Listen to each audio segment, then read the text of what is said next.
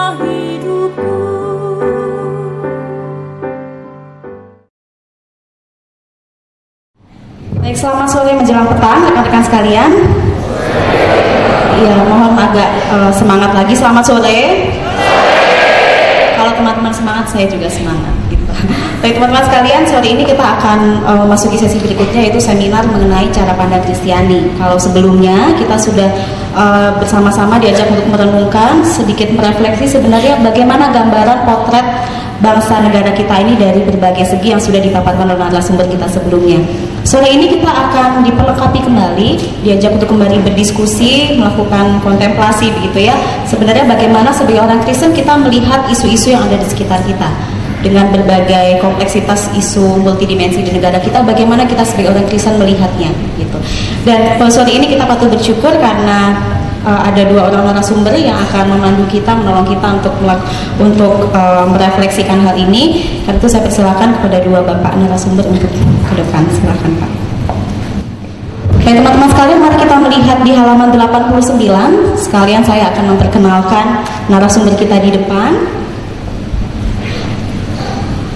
Yang di tengah-tengah antara saya dengan Kak Alex adalah Bapak Haskar Lianus Pasang. Beliau menyelesaikan studi uh, sarjana di IPB, kemudian melanjutkan studi menyelesaikan studi master dan juga doktoralnya di Melbourne University di Australia. Saat ini Bapak Haskar juga aktif uh, di berbagai uh, kegiatan pelayanan, salah satunya yang menarik adalah sebagai tim pelatih dan koordinator Buletin Langham Indonesia. Kemudian saat ini beliau juga bekerja di uh, bekerja seba- di uh, sebagai Sustainability Division Head di PT Smart TPK. Selamat sore Pak Askar. Uh, Bapak narasumber berikutnya adalah Bapak Alex. Silakan teman-teman. Mungkin kita sudah ini ya sudah hampir bosan gitu ya ketemu sama Pak Alex. Tapi nggak apa-apa lah. Mari kita perkenalkan. Uh, kita lebih mengenal lebih jauh sebenarnya siapa sosok Kak Alex ini. Mari buka di halaman 84.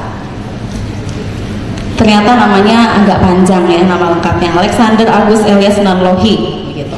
Uh, saat ini Kak Alex aktif uh, sebagai aktif di Perkantas sebagai pemimpin cabang Perkantas sejak Oktober tahun 2009. Beliau uh, menempuh menyelesaikan studinya di jurusan Ilmu Komunikasi Universitas Indonesia dan juga melanjutkan studi masternya di Radcliffe College di uh, Inggris dengan major in misiologi. Baik, selanjutnya kita akan mendengarkan, menyimak paparan dari narasumber kita. Saya persilakan terlebih dahulu Bapak Haskar. Mohon kerjasamanya Pak untuk waktu 20 menit. Selamat sore semua, kedengaran ya? Kelihatan dari belakang? Kelihatan ya?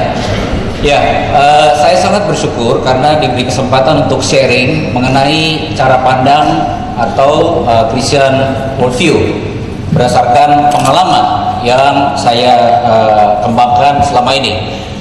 Ini Ya, jadi agenda kita adalah pertama kita akan melihat menyerap pada sekularisme apa artinya, kemudian berpikir sekuler dan berpikir Kristen. Apa perbedaan? Kemudian apa itu CPK, cara pandang Kristen? Pentingnya memiliki CPK bagi orang percaya. Kemudian kerangka mengembangkan CPK itu apa dan saya akan tutup uh, dengan beberapa statement untuk menolong kita melihat dan mengembangkan cara pandang Kristen dalam konteks kita masing-masing. Yang pertama kita lihat bahwa eh, di dalam pergumulan kita sehari-hari ada banyak pertanyaan yang susah kita jawab. Ya, misalnya, apa dasar Anda memilih jurusan dan pelayanan? Apakah panggilan? Apakah karena panggilan atau karena eh, gaji? Ya, yang sudah bekerja. Kemudian mana yang lebih berdampak di dalam kehidupan saudara-saudara? Studi, pekerjaan, atau pelayanan pada kekristenan kita atau sebaliknya ke pekerjaan kita yang mempengaruhi kekristenan kita, pelayanan kita yang Oke, kemudian pertanyaan selanjutnya adalah kalau kita bertanya tentang peran kita, partisipasi kita di bumi Indonesia, pertanyaannya adalah kalau Indonesia itu bobrok menuju kehancuran, ya, apa peran saya? Apakah saya bisa terlibat di dalamnya atau tidak untuk memperbaiki kerusakan atau kebobrokan yang ada? Pertanyaan-pertanyaan itu kalau kita memiliki cara pandang yang benar, maka saya yakin kita akan dengan lugas menjawab A, B, C, dan seterusnya karena cara pandang kita benar. Nah, Harry Blemais dalam bukunya Recovering a Christian Mind dia mengatakan bahwa tidak ada lagi pikiran Kristen. Kenapa? Karena orang-orang modern telah menjadi sekuler, menyerah pada sekularisme. Ya, masih ada etika, masih ada praktik kerohanian, tetapi itu hanya di permukaan. Di dalam karakter setiap orang sudah kehilangan, khususnya negara barat. Hari me- me- melihat itu. Sudah kehilangan cara berpikir Kristen. Kalau kita melihat satu hal, tidak otomatis orang Kristen berpikir dari cara pandang Alkitab. Bagaimana Alkitab melihatnya? Bagaimana Kristus melihatnya? Kalau Allah ada di posisi saya, kira-kira Allah akan berpikir atau bertindak seperti apa? Nah, untuk itu kita akan melihat perbedaan antara berpikir sekuler dan berpikir Kristen. Berpikir sekuler adalah berpikir dalam bingkai yang dibatasi oleh masa hidup kita di dunia. Jadi sangat terbatas, ya. Saya umur saya sekian tahun atau masa kuliah saya tiga tahun empat tahun, kalau dipercaya lima tahun maka cara berpikir kita hanya di situ. Kita tidak melihat beyond. Setelah saya keluar dari kampus, saya mau kerja di mana? Kemuliaan Tuhan seperti apa yang tampak ketika saya meninggalkan kampus saya. Dan yang lebih tragis adalah orang menggunakan kriteria dunia sebagai dasar untuk menilai dan menjalani kehidupan. Misalnya apa? Contoh fisik, karena anak-anak muda pasti senang fisik. Ya, orang muda melihat begini, seorang pria yang ganteng adalah seorang yang punya six pack, betul ya? Sehingga habis waktu untuk mengolah six pack supaya kelihatan maco, betul kan? Yang wanita, cara pandang dunianya adalah orang yang cantik, wanita cantik adalah tinggi putih. Ya, seperti Victoria Beckham, begitu kan? Sehingga orang mencari cara untuk itu. Dan tidak ketinggalan orang percaya mengikuti cara pandang. Itu baru fisik. Belum cara berpikir, belum bekerja, belum berkeluarga dan banyak hal lain yang sebetulnya sudah me- membuat kita berpikir sekuler. Nah, apa arti berpikir secara Kristen atau think Christianly? Menerima segala sesuatu dengan pikiran yang terkait langsung atau tidak dengan tujuan kekal manusia sebagai orang tebusan dan pilihan Allah. Ya, dan fokus pada kerohanian, yaitu fokus pada karakter, ya, fokus pada pertumbuhan rohani. Bagaimana saya menjadi serupa dengan Kristus di kampus? Bagaimana saya menjadi saksi Kristus ketika saya bekerja supaya orang lain melihat dan mengalami Kristus di dalam kehidupan saya. Nah, itulah cara berpikir Kristen yang sangat berbeda dengan cara berpikir dunia atau cara berpikir sekuler. Nah, saudara, kita dapat berpikir sekuler untuk hal yang paling suci. Misalnya di gereja, orang bisa berpikir sangat sekuler. Perjamuan kudus misalnya, kalau perjamuan kudus gereja saya jemaatnya 600 orang, setiap minggu ada perjamuan kudus, dibutuhkan sekian botol, maka gereja kita bisa buat industri anggur untuk memenuhi perjamuan kudus. Betul kan? Hal paling suci bisa dipikirkan sangat sekuler, tetapi hal yang paling sekuler pun harusnya kita bisa berpikir Kristen. Misalnya jurusan. Kenapa saya pilih jurusan kehutanan? Saya pilih jurusan elektronika misalnya. Kenapa saya pilih itu? Karena saya ingin memuliakan Tuhan lewat jurusan saya kehutanan. atau lewat pekerjaan elektronik, karir, pacaran, film yang kita tonton. Kita bisa berpikir secara Kristen supaya kita mendapat hasil maksimal dari semua yang Tuhan percayakan dalam hidup kita. Kenyataannya adalah apa? Banyak orang Kristen tidak berpikir Kristen kecuali hal-hal yang sangat spesifik. Ketika anaknya dibaptis, gitu ya. Ketika mau menikah, ketika memberikan perpuluhan, ya. Hanya hal-hal spesifik, tetapi tidak keseluruhan aspek hidup kita. Walaupun kita mengatakan kita mempertuhankan Kristus di dalam seluruh aspek hidup kita, Ya atau tidak? Tetapi dalam prakteknya tidak semua aspek kita berpikir dari cara pandang Kristen. Tidak membiarkan Kristus mengontrol setiap aspek hidup kita. Nah, sekarang apa itu cara pandang Kristen? Saya skip saja ya. Kita selalu menggunakan Christian worldview karena kita orang Indonesia.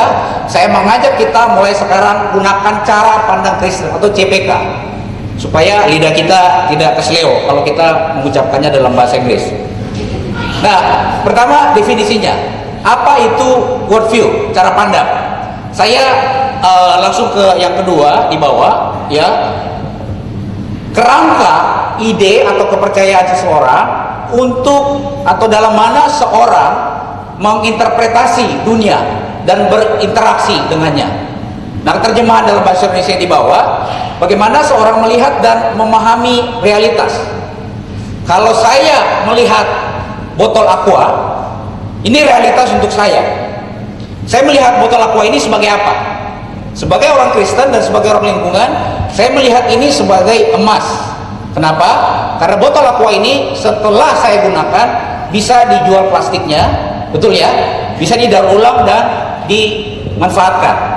Jadi kelihatan di situ perbedaannya. Bagaimana orang melihat dan memahami realitas. Nah, cara pandang itu selalu berakhir dengan tindakan. Kenapa? Karena kita menilai dan kita memikirkan sesuatu akan muncul keputusan. Dan keputusan itu akan berakhir dengan tindakan. Betul ya? Jadi cara pandang itu akan menentukan siapa Anda dan akan menjadi apa kita. Ya, cara pandang itu bisa seperti kacamata saya menggunakan kacamata putih saya melihat anda jelas begitu kalau saya ganti kacamata saya dengan warna hitam maka yang kelihatan adalah hitam. Betul ya? Kalau saya gunakan hijau maka hijau semua yang kelihatan. Nah sehingga kacamata kita itulah cara pandang kita.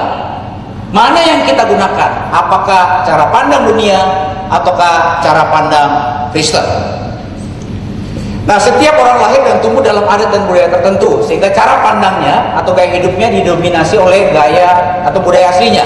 Saya orang Toraja, ya. Saya lahir sebagai orang Toraja, cara pandang saya didominasi oleh budaya Toraja. Tetapi setelah menjadi Kristen, harusnya saya tidak hanya ganti baju, ya, hanya ganti baju. Saya harusnya setiap aspek hidup saya dikuasai oleh Kristus. Contoh paling nyata, sini ada orang Toraja, Oke, di dalam darah orang Toraja katanya sama dengan orang Batak. Ada darah mantunu, ya, darah potong kerbau. Jadi kalau ada orang mati, itu orang e, cepat-cepatan gitu, atau besar-besaran atau banyak-banyakan kerbaunya, betul ya? Tetapi setelah saya menjadi Kristen, darah mantunu itu disucikan oleh darah Kristus, betul?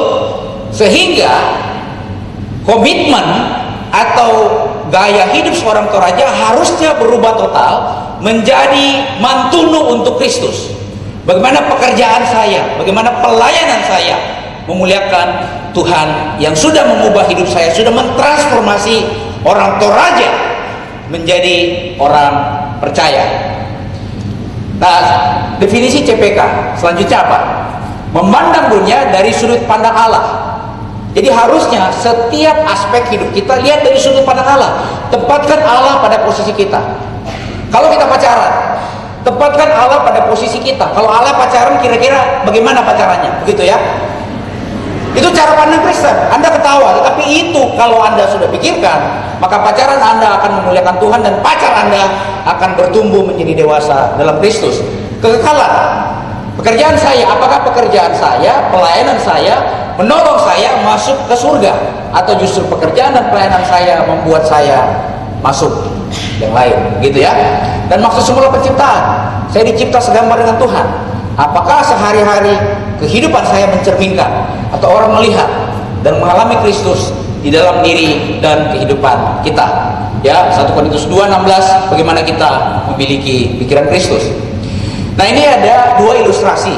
Ada jendela di atas dan di bawah. Banyak orang Kristen mengembangkan termasuk membuka Alkitabnya hanya look at the Bible, hanya melihat ke Alkitabnya. Ya, seperti melihat jendela. Orang yang melihat jendela, apakah me- melihat apa yang ada di luar jendela? Tidak kan? Sebagian orang Kristen hanya melihat look at the Bible, baca Alkitab tidak tahu di luar sana apa.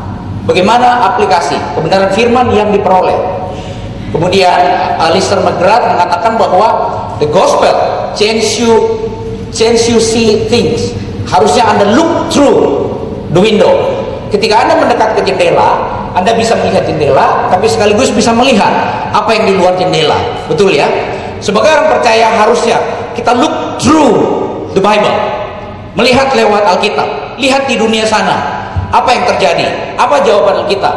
Tapi setelah kita membaca Alkitab, kita kembali ke dunia. Bagaimana kita menjadi jawaban atas permasalahan dunia. Itulah cara pandang Kristen yang seharusnya dimiliki setiap orang percaya. Nah, pentingnya memiliki CPK ini saya cepat saja. Bukan pilihan bagi orang percaya untuk memiliki cara pandang. Sudah menjadi keharusan. Kenapa? Karena natur manusia dicipta segambar dengan Allah. Kemudian memikirkan segala hal dari sudut pandang Allah atau sudut pandang kekekalan. Kemudian tidak terombang-ambingkan oleh angin-angin pengajaran. Kemudian menolong tetap fokus, single minded. Fokus pada perjalanan kita. Karena segala sesuatu kita lihat dari sudut pandang Allah, sudut pandang Kristus. Nah ini yang penting adalah kerangka pengembangan CPK. Kerangka pengembangan CPK dibangun atas empat kejadian, empat hal besar yang mewarnai kerajaan Allah. Yang pertama adalah penciptaan, yang kedua kejatuhan, yang ketiga penebusan, dan yang keempat penyempurnaan. Kita bermain di sini ketika mengembangkan cara pandang itu, ya. Penciptaan Allah mencipta dengan baik, manusia laki-laki dan perempuan adalah puncak. Laki-laki dan perempuan sama, ya. Dan manusia diberi mandat oleh Allah untuk mengusahakan dan memelihara bumi itu. Kemudian kejatuhan, manusia jatuh dalam dosa. Anda tahu ceritanya, saya tidak terlalu panjang lebar. Tapi yang terpenting adalah ketika manusia itu dalam dosa, putus hubungan antara empat hal. Manusia dengan Allah, manusia dengan dirinya, manusia dengan manusia lain, manusia dengan lingkungannya. Ya. Yang ketiga, penebusan. Bermula dari Abraham dan berakhir pada Kristus. Terjadi rekonsiliasi antara manusia dengan dirinya, dengan Allah, dengan sesama manusia, dan juga seharusnya terjadi dengan ciptaan yang lain. Dan terakhir pada penyempurnaan, uh, Kristus datang kembali dan semua akan menghadap Dia. Nah, ilustrasi ini saya jelaskan di sini. Jadi penciptaan di paling kiri, kejatuhan, penebusan dan ciptaan baru. Manusia dicipta jatuh dalam dosa, kemudian ditebus oleh Kristus. Setelah ditebus oleh Kristus, kutuk itu diangkat, ya, dan kita dikembalikan ke posisi semula menjadi ciptaan baru karena Kristus mencipta kita, Allah mencipta kita segambar dengan Dia. Yang menarik adalah banyak orang jatuh bangun di dalam kehidupannya, ya, jatuh menghadap pun kemudian uh, bangkit lagi. Seharusnya cara pandang Kristus menolong kita dengan memproyeksikan. Saya adalah orang yang jatuh di dalam dosa, tetapi Kristus menebus saya kembali ke maksud semula Tuhan mencipta saya. Namun saya masih ada di dalam dunia.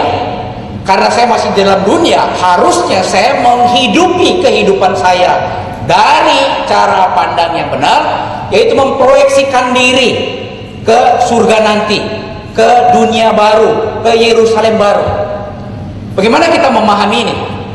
Saya cerita ke anak saya ini contohnya. Minggu depan kita ke Bali. Ya. Apa yang terjadi? Selama minggu itu kami masih di Bogor, tetapi anak-anak saya pikirnya sudah di Bali. Mereka cari di internet, tanya temannya, makan di mana di Bali? Beli oleh di mana di Bali? Apakah mereka sudah di Bali? Masih di Bogor. Tetapi pikiran mereka, hati mereka sudah ada di Bali. Pengharapan Kristen, gaya hidup Kristiani yang sudah dirubah oleh Tuhan adalah seperti ini. Saya masih ada di dunia, tetapi saya sudah memproyeksikan diri. Saat Tuhan memanggil saya, saya akan bersama dengan Bapa di surga.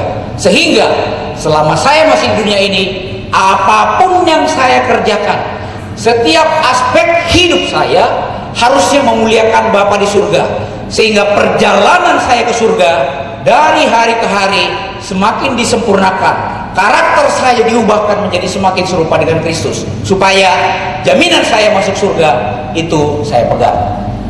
Itulah cara pandang kita. Itulah ya cara kita mengembangkan cara pandang Kristen ketika kita melihat penciptaan kejatuhan penebusan dan penyempurnaan. Nah ini bisa dijelaskan dalam buku yang saya yakin saudara-saudara uh, misi Allah dalam dunia. Sangat jelas di sini jadi segitiga besar adalah Tuhan, manusia dan bumi. Kita ada di bawah. Kalau bisa lihat di sini, di bawah sini. Kita ada di bawah. Bagaimana orang lain bisa melihat? Israel adalah contohnya di sini, di dalam. Apa yang dilakukan dan tidak dilakukan Israel mempengaruhi dunia. Dan Anda dan saya adalah Israel baru. Harusnya kita menerapkan kebenaran itu dan mengembangkan cara pandang orang lain yang dibawa melihat dan mengalami Kristus karena kehadiran kita. Di mana pun kita berada apa pun panggilan itu kalau kita mencontoh apa yang dilakukan Israel yang baik tentunya dan melakukan yang, yang, yang tidak sesuai maka orang lain akan melihat dan mengalami Kristus di dalam kehidupan kita. Dan yang terakhir kehadiran kita di dunia ini terbatas oleh segitiga ini. Tetapi kerajaan Allah tidak terbatas Tugas Anda dan saya adalah sampai Kristus memanggil kita. Tugas kita mengembangkan cara pandang itu dan menularkannya kepada sebanyak mungkin orang supaya mereka melihat dan mengalami Kristus di dalam diri Anda dan saya dan itulah tujuan camp nas mahasiswa ini supaya kemuliaan Allah dilihat dan dialami orang melalui diri dan kehidupan kita. Yang terakhir, kita perlu mengembangkan double listening listen to the word W besar. Firman Tuhan. Dan listening to the word dunia sana. Supaya kita bisa menjadi relevan. Baca Alkitab dan kembali ke dunia. Bagaimana menjadi jawaban atas pergumulan dunia.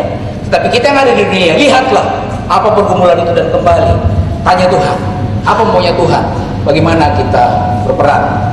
Yang terakhir seorang penulis Yahudi C. Potok mengatakan think clearly dan feel deeply Orang modern tidak lagi ya memiliki kepekaan.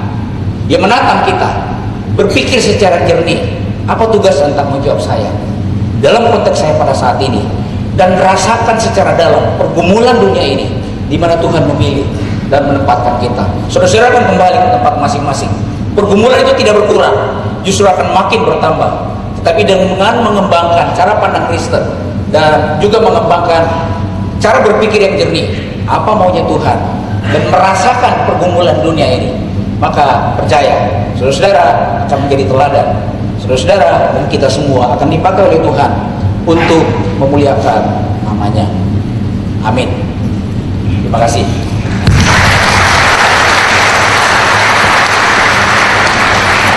Terima kasih Pak Askar untuk paparannya. Uh, melalui Pak melalui paparan Pak Askar tadi kita diingatkan kembali kita bersikap di tengah-tengah dunia ini. Dan Pak Askar juga membagikan kepada kita tadi mengenai uh, pentingnya memiliki cara pandang Kristen ya karena memang secara natur kita percaya bahwa kita adalah manusia diciptakan segambar dengan Allah karena itu memiliki cara pandang sebagaimana Allah melihat dunia ini adalah suatu hal yang perlu kita kembangkan terus. Dan uh, selanjutnya akan silakan, silakan kepada Pak Alex untuk menyampaikan paparannya 20 menit waktu yang diberikan. Shalom. Saya bersyukur juga buat kesempatan ini. Saya belajar cara pandang Kristen. Sebenarnya salah satu buku yang mempengaruhi saya awalnya juga adalah buku Bang Askar yang judulnya Mengasihi Lingkungan yang secara khusus menerapkan cara pandang Kristen dalam ekspertisnya Bang Askar dalam bidang lingkungan ya. Uh, ada diskon di luar sana. ya, uh, ketika membaca buku Bang Haskar saya makin mengerti, makin memahami bagaimana akhirnya cara pandang Kristen menjadi salah satu cara Tuhan untuk menolong kita memberikan jawaban bagi pergumulan bangsa ini. Dan juga secara khusus buku ini isu-isu global yang juga ada diskon di luar sana. Dari 75 jadi 60 ribu. Di luar saya tadi tanya sama penjualnya saya nggak dapat apa-apa tapi bersyukur melihat bagaimana ada hamba-hamba Tuhan yang memikirkan dengan mendalam akan hal ini.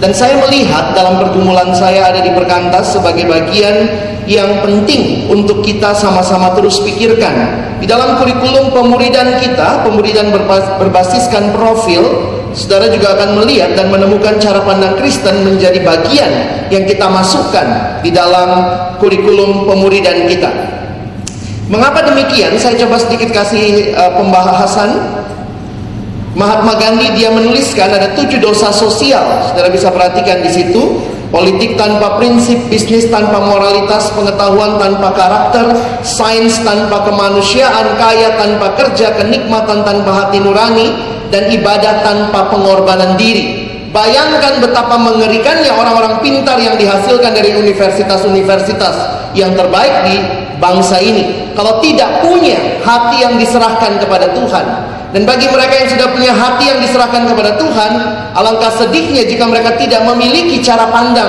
Kristiani yang akan dipakai Tuhan untuk menjawab pergumulan bangsa. Harusnya hal seperti ini tidak hanya keluar dari Mahatma Gandhi, harusnya dari kita orang-orang percaya yang punya mandat yang Tuhan berikan di dalam dunia ini. Saya mengutip dalam buku Isu Global, John Stott memberikan beberapa garis besar bahaya yang mengancam dunia masa kini.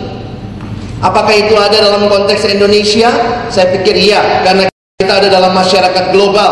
Dia membaginya melihat beberapa hal, saudara bisa lihat di dalam pembagian buku isu global. Dari segi global, kita bergumul dengan ancaman nuklir, kerusakan lingkungan hidup dan energi, ketimpangan ekonomi utara dan selatan, pelanggaran hak-hak asasi manusia. Saya kaget, John Stott hamba Tuhan bicara hal seperti itu. Di mana orang hukum? Harusnya dia yang bicara. Di mana orang-orang fisika yang harusnya bicara soal nuklir? Malu harusnya kita ya melihat kok hamba Tuhan full time memikirkan seperti ini. Tapi dia memberikan satu jalan yang saya pikir luar biasa, menantang kita yang mempelajari ilmu itu lebih mendalam. Bagaimana kita bisa memberi jawaban dari hal-hal seperti ini. Dari segi sosial, dia membahas soal alienasi, lapangan pekerjaan, hubungan industrial, masalah rasi, rasial dan juga masalah kemiskinan. Di mana orang-orang sosial, orang-orang sosiologi. Dari segi moral, masalah pria wanita, perkawinan dan perceraian, aborsi, homoseksual. Dari segi spiritualitas, melihat dengan meluasnya materialisme, hilangnya kepekaan terhadap realita yang transenden.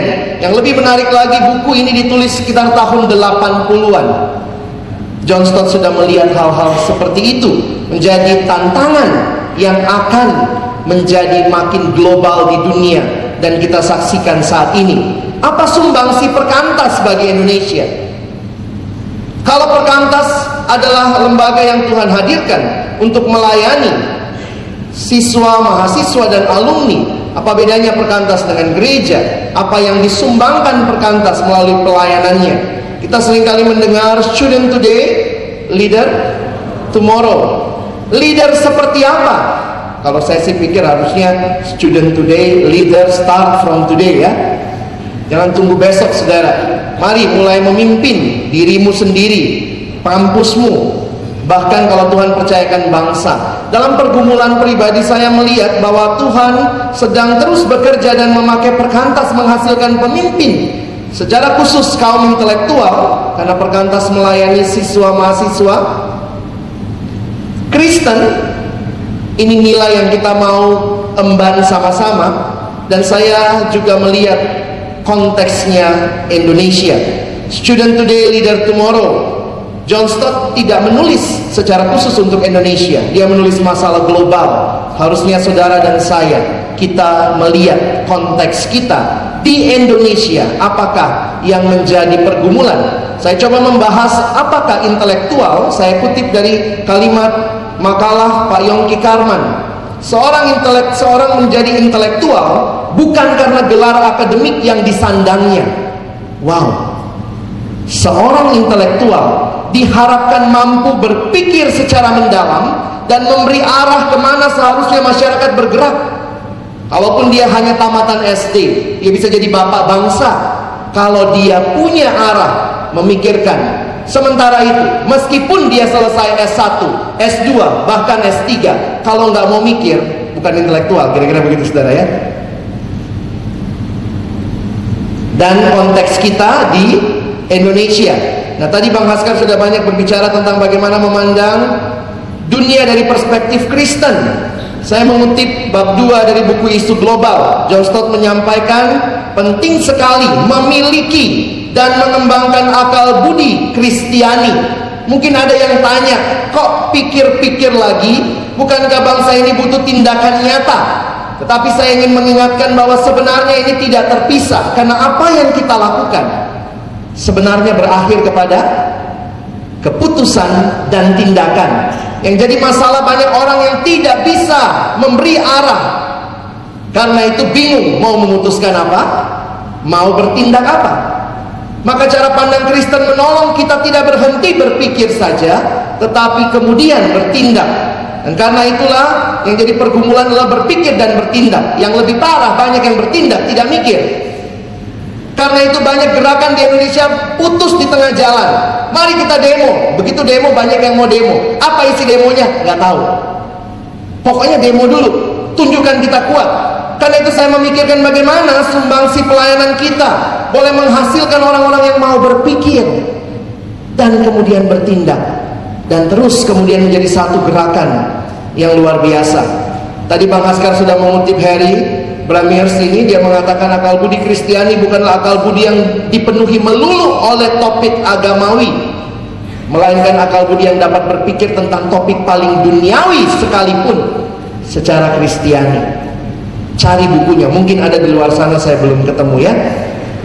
Harry Blemes menulis tentang Christian Mind.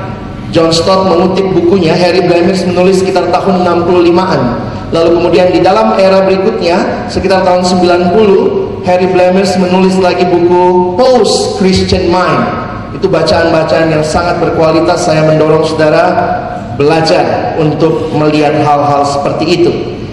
Dalam yang dibagikan tadi, mulai dari creation, fall, redemption, consummation atau bahasa Indonesia-nya mulai dari penciptaan, kejatuhan, penebusan dan sampai pemulihan Kristus datang yang kedua kali, Saudara melihat inilah yang dimaksudkan secara khusus sebagai realita di dalam CPK. Menariknya apa Saudara? Kita khususnya hidup di dalam mayoritas yang bukan Kristen tapi Muslim misalnya kalau saudara melihat mereka punya konsep Muslim misalnya mereka punya konsep creation? Punya? Yang mereka nggak punya konsep apa? Redemption dia nggak punya. Kalau saudara ada di dunia barat yang sangat sekuler mungkin mereka tidak bicara soal origin asal usul creation karena mereka melakukan dalam pemikiran yang ateistik di luar Tuhan. Jadi sebenarnya saudara kita melihat Tuhan kasih kita cerita Alkitab yang sebenarnya menjadi lensa melaluinya kita bisa melihat dunia. Di mana kita diajar untuk melihat dari creation, penciptaan, kejatuhan, penebusan sampai kepada pemuliaan, sampai kepada konsep eskatologis dan hampir semua agama sebenarnya punya konsep eskatologis. Punya pemahaman itu. Sekali lagi yang mereka tidak punya konsep redemption. Di sinilah saya pikir bagaimana sebenarnya pemahaman yang mendalam akan Alkitab menolong saudara dan saya bisa melihat lebih utuh dan menjawab pergumulan dunia ini. Bagaimana ketika Allah menciptakan begitu indah jatuh dalam dosa begitu rusak di dalam Kristus terjadi penebusan yang bahasa bilang dikembalikan kepada maksud semula penciptaan Lihat keluarga. Awal-awalnya Allah yang mendesain tentang keluarga. John Stott memasukkan satu isu global, perceraian. Dan saya kasih contoh saudara ya, bagaimana coba memakai cara pandang ini dalam realita hidup. Ketika kita melihat, kami baru membahas uh, KTB kami beberapa pasangan, kami membahas tentang buku The Meaning of Marriage. Dan yang menarik adalah bagaimana penulis buku itu Tim Keller, dia berusaha melihat apa sih yang menjadi masalah dalam dunia ini, melihat tentang pernikahan, dia lalu dia mengatakan yang pertama adalah banyak orang berpikir menikah untuk memenuhi sesuatu dalam dirinya yang hilang. Sehingga menikah dilihat hanya sebagai fulfillment. Itu cara pandang dunia. Orang di luar sana begitu. Kalau di budaya kita juga begitu. Ini bandel banget ini. Adiknya bapak yang paling kecil. Bandel banget. Suruh kawin biar bertanggung jawab. Suka dengar begitu? Itu kan cara pandang kan? Lalu kemudian dengan kawin nanti dia akan menimbulkan tanggung jawab akan ada yang sesuatu difulfill dalam dirinya sementara di sisi lain ada orang yang memandang pernikahan adalah pengorbanan luar biasa tadinya begini harus masuk dapur yang wanita cowok tadinya makan sendiri sekarang nanggung berdua begitu ya sehingga akhirnya ada yang mengatakan pernikahan adalah satu bentuk sacrifice yang mendalam dan menyedihkan ini Teman-teman lihat ya, ini cara pandang di sekitar di sekitar kita bukan? Lalu pertanyaannya, bagaimana cara pandang Kristen? Bagaimana kita mengarahkan pernikahan Kristen? Apa yang mau kita sampaikan kepada alumni-alumni kita? Apa yang kita mau berikan? Karena itu cara pandang Kristen. Memberikan pemahaman dari awal Allah membentuk institusi pernikahan. Dan Tim Keller dalam bukunya akhirnya melihat di dalam Kristus ketika kita PA Efesus pasal yang kelima dia mengatakan self uh, mutual sacrifice for mutual fulfillment jadi memang melalui saling berkorban itu sebenarnya cara Tuhan memenuhkan kita sehingga pernikahan bukan sekedar memenuhi siapa kita bukan sekedar mengorbankan apa yang kita miliki tapi itulah cara Tuhan untuk membawa kita dalam kesatuan yang seperti Kristus mengorbankan dirinya bagi jemaat.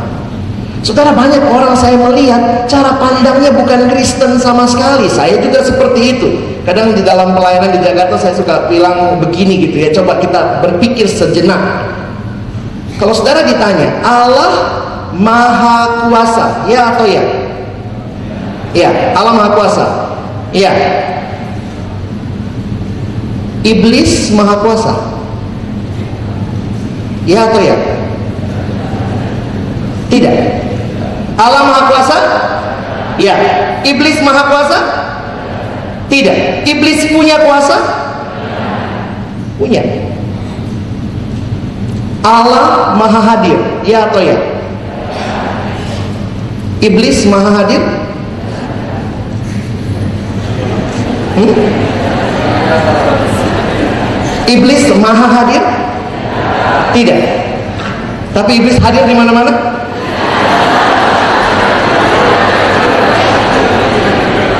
Saudara saya tidak tahu pandangan dunia apa yang masuk dalam pikiranmu sehingga kamu mungkin lebih kesetanan daripada ketuhanan.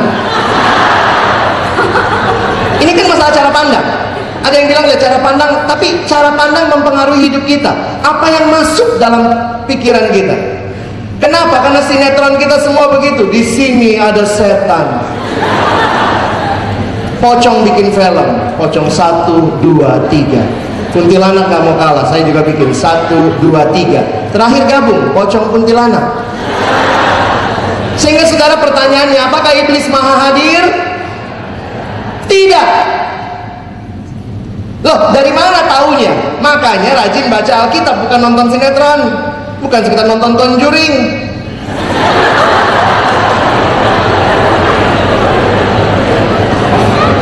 yang belum tahu apa itu Conjuring apa itu Conjuring nanti tanya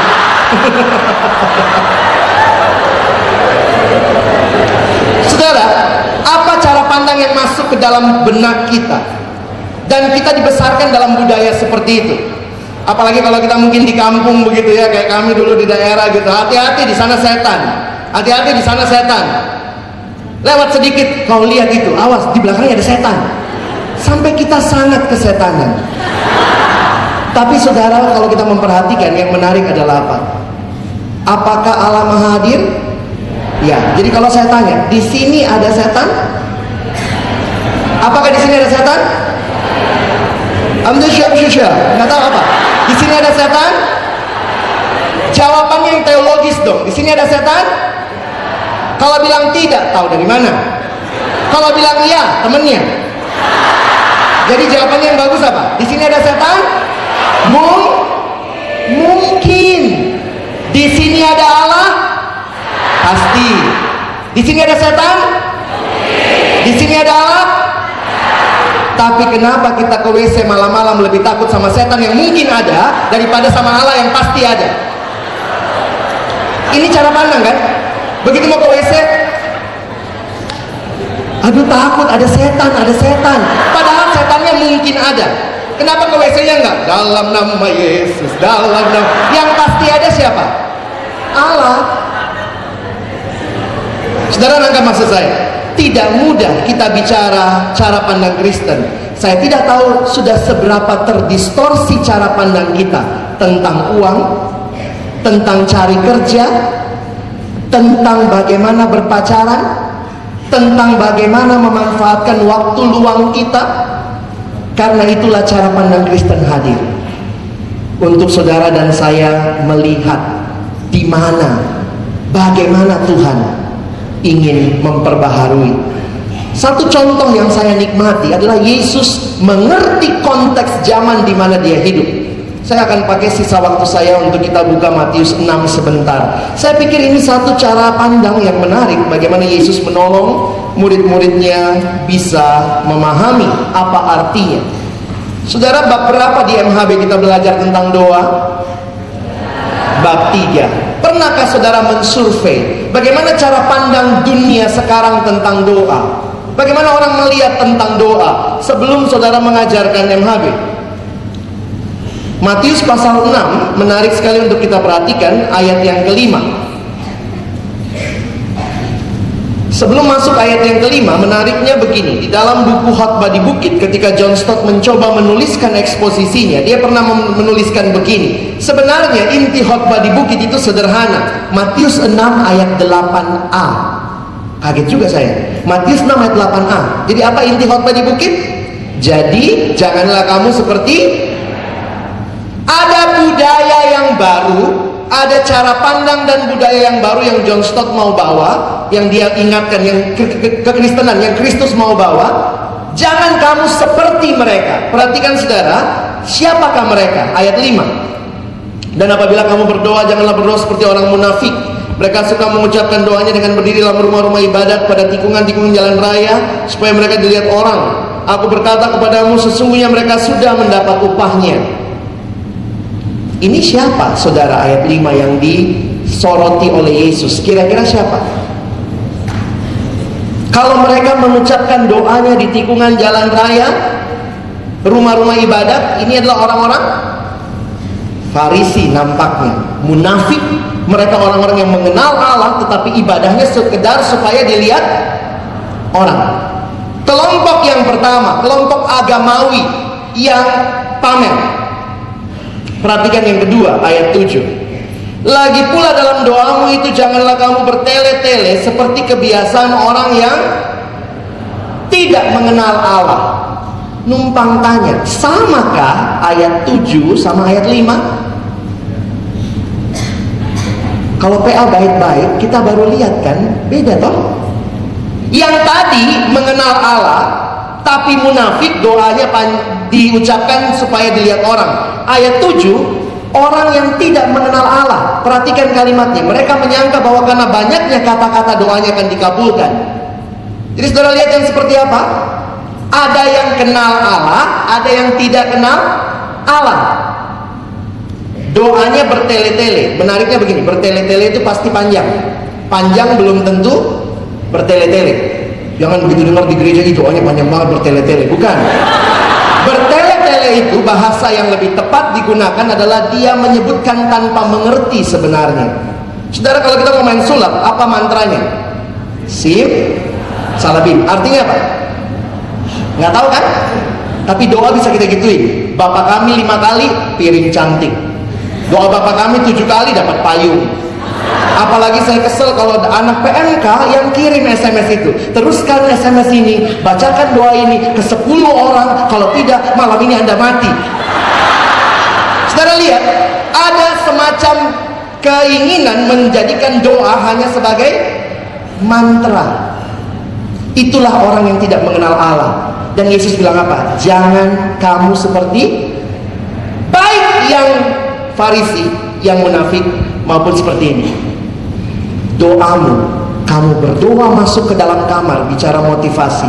Kamu berdoa, sebutkanlah kepada Bapamu, Bapa kami yang di surga dan seterusnya.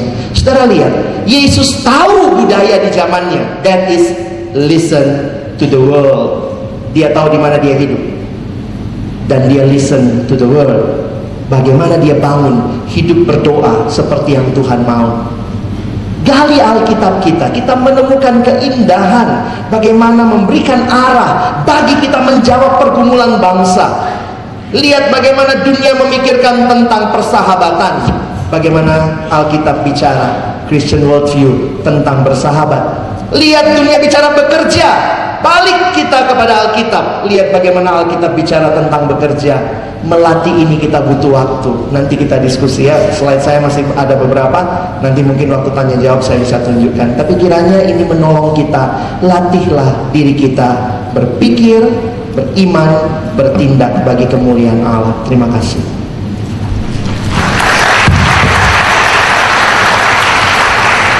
Terima kasih Kak Alex untuk paparannya.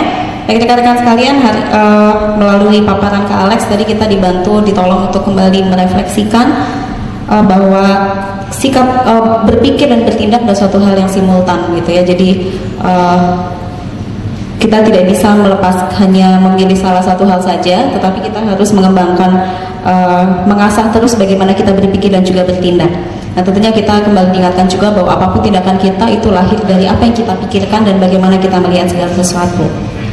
Dan juga Kak Alex men- eh, menekankan kembali kepada kita bahwa yang membedakan cara pandang kita dengan cara pandang lain di di luar sana adalah bahwa kita mengenal konsep penebusan redemption dan itu menjadi satu titik tolak bagaimana kita melihat banyak hal dari pan- cara pandang keimanan kita. Baik kita akan masuk dalam sesi diskusi. Ada beberapa pertanyaan yang masuk. Pertanyaan yang menarik Pak, eh, mungkin ditujukan kepada kedua narasumber kita. Pertanyaan pertama adalah, ketika kita memiliki cara pandang Kristen, maka apakah kita tidak bisa melihat eh, berbagai hal sekeliling kita dengan konteks cara pandang adat atau budaya? Ya, terima kasih. Ini sangat menarik dan sangat sesuai dengan konteks kita. Pertanyaannya adalah bahwa setelah menjadi Kristen, ya, setelah menjadi Kristen, apa yang mendominasi, apa yang menguasai cara berpikir kita? Jadi adat itu setiap orang lahir dalam adat tertentu dan mau tidak mau gaya hidupnya sebelum mengenal Kristus dikuasai. Nah, tidak semua adat itu bertentangan. Ya, ada adat tertentu yang memang sangat bertentangan dengan kebenaran firman Tuhan. Di situlah dibutuhkan satu cara berpikir kita tunduk di bawah otoritas firman Tuhan. Yang kedua, kita analisa secara dalam. Jadi banyak orang Kristen, khususnya di suku-suku tertentu yang didominasi oleh adat dan budaya, tidak mau berpikir. Karena kenapa? Ada yang mengatakan gereja juga tidak bikin apa-apa, begitu ya. Tetapi menjadi tanggung jawab kita masing-masing. Karena tadi sangat ditekankan, cara pandang kita itu akan menentukan bagaimana kita berpikir dan bagaimana kita bertindak. Kalau kita salah menilai, ya termasuk uh, adat istiadat dan budaya kita, maka kita akan terbawa. Bahkan kita bisa menjadi batu sandungan kalau kita masih mengikuti hal-hal yang seperti itu atau terkait dengan adat. Contoh tadi, saya kasih contoh sebagai orang Toraja. Orang Toraja itu sangat bangga kalau bisa potong kerbau ketika neneknya meninggal. Kerbaunya bukan cuma satu, tapi harus dihitung Ber, berpuluh-puluh ekor kerbau. Babi tidak dihitung. Nah, kalau saya orang Toraja ditanya, apakah saya mengikuti?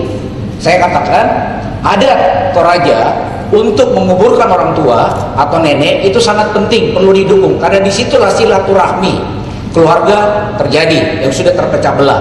Tetapi ya budaya untuk menunjukkan siapa dirinya dan bekal. Jadi pemahaman di adat tertentu misalnya dalam budaya Toraja Mantulu itu adalah orang yang mati itu bekalnya ditentukan oleh berapa jumlah kerbau yang dipotong saat pesta pemakaman. Makanya namanya pesta pemakaman. Nah, sebagai orang percaya, saya tidak percaya bahwa orang tua saya atau nenek saya meninggal masuk surga ditentukan oleh jumlah kerbau. Tetapi bagaimana imannya? Nah, yang saya katakan kepada keluarga saya adalah bahwa mantunu sejati adalah ketika orang tua kita masih hidup kita rawat mereka, kita kasihi mereka, kita tunjukkan jalan menuju ke surga supaya mereka diselamatkan. Dan masih banyak lagi adat istiadat dan budaya yang menurut saya perlu kita kritisi, perlu kita pikirkan dengan cara pandang kita. Dengan pertanyaan, kalau Kristus ada dalam posisi saya, ya kalau Kristus ada dalam posisi orang Batak orang Toraja orang Jawa menghadapi hal tersebut kira-kira Kristus akan melakukan apa atau bagaimana Kristus berpikir kembali ke firman Tuhan ya jadi konteks dunia konteks adat dan budaya kembali ke firman Tuhan apa yang diajarkan karena seperti Rasul Paulus harusnya kita lebih taat kepada Tuhan melalui firman-Nya dibanding taat kepada adat istiadat dan budaya. Ini tidak mengatakan saya anti adat istiadat dan budaya. Saya sangat mendukung. Ya, kita harus mendukung adat istiadat dan budaya karena itu identitas kita. Tapi yang bertentangan dengan kebenaran firman kita harus tinggalkan. Ya. Ini dari saya. Bung Alex. Terima kasih.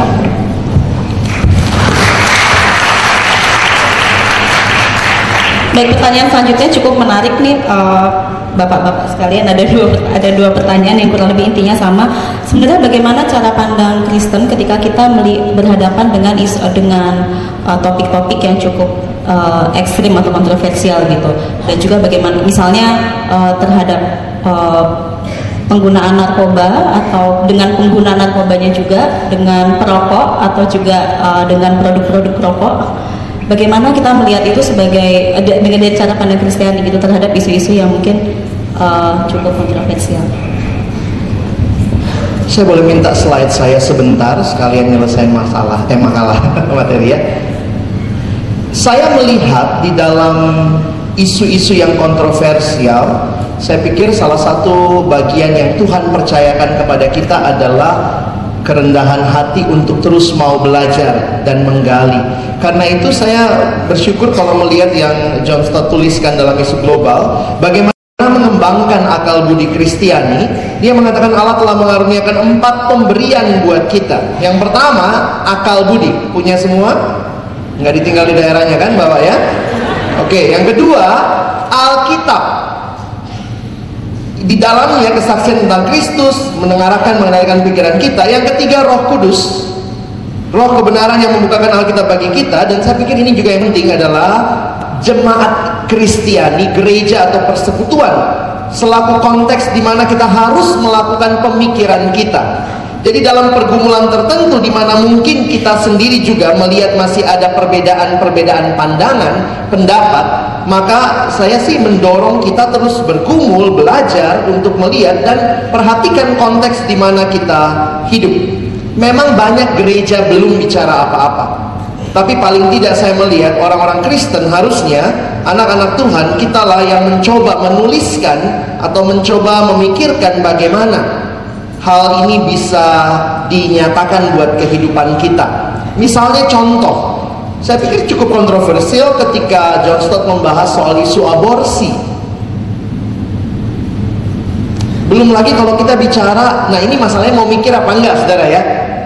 Kadang-kadang untuk berpikir, membaca banyak buku, melihat banyak pandangan, bergumul sungguh-sungguh di hadapan Tuhan, boleh membunuh atau tidak?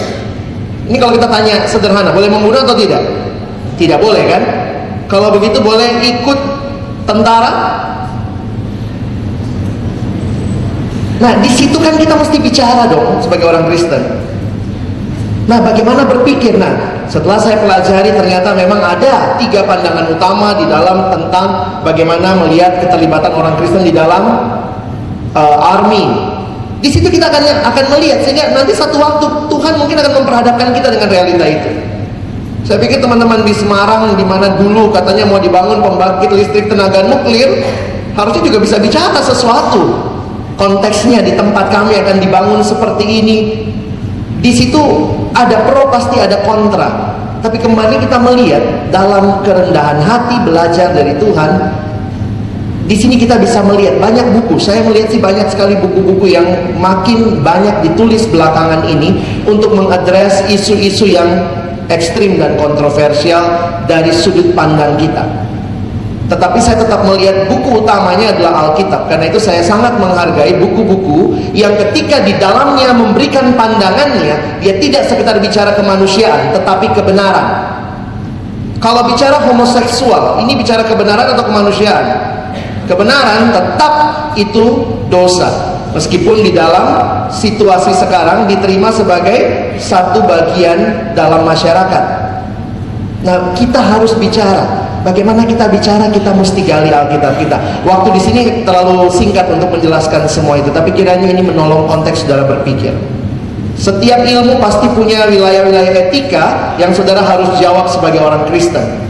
Dokter, ahli hukum, politisi, saudara sebagai pekerja sosial, itu semua penting untuk saudara pikirkan. Thank you.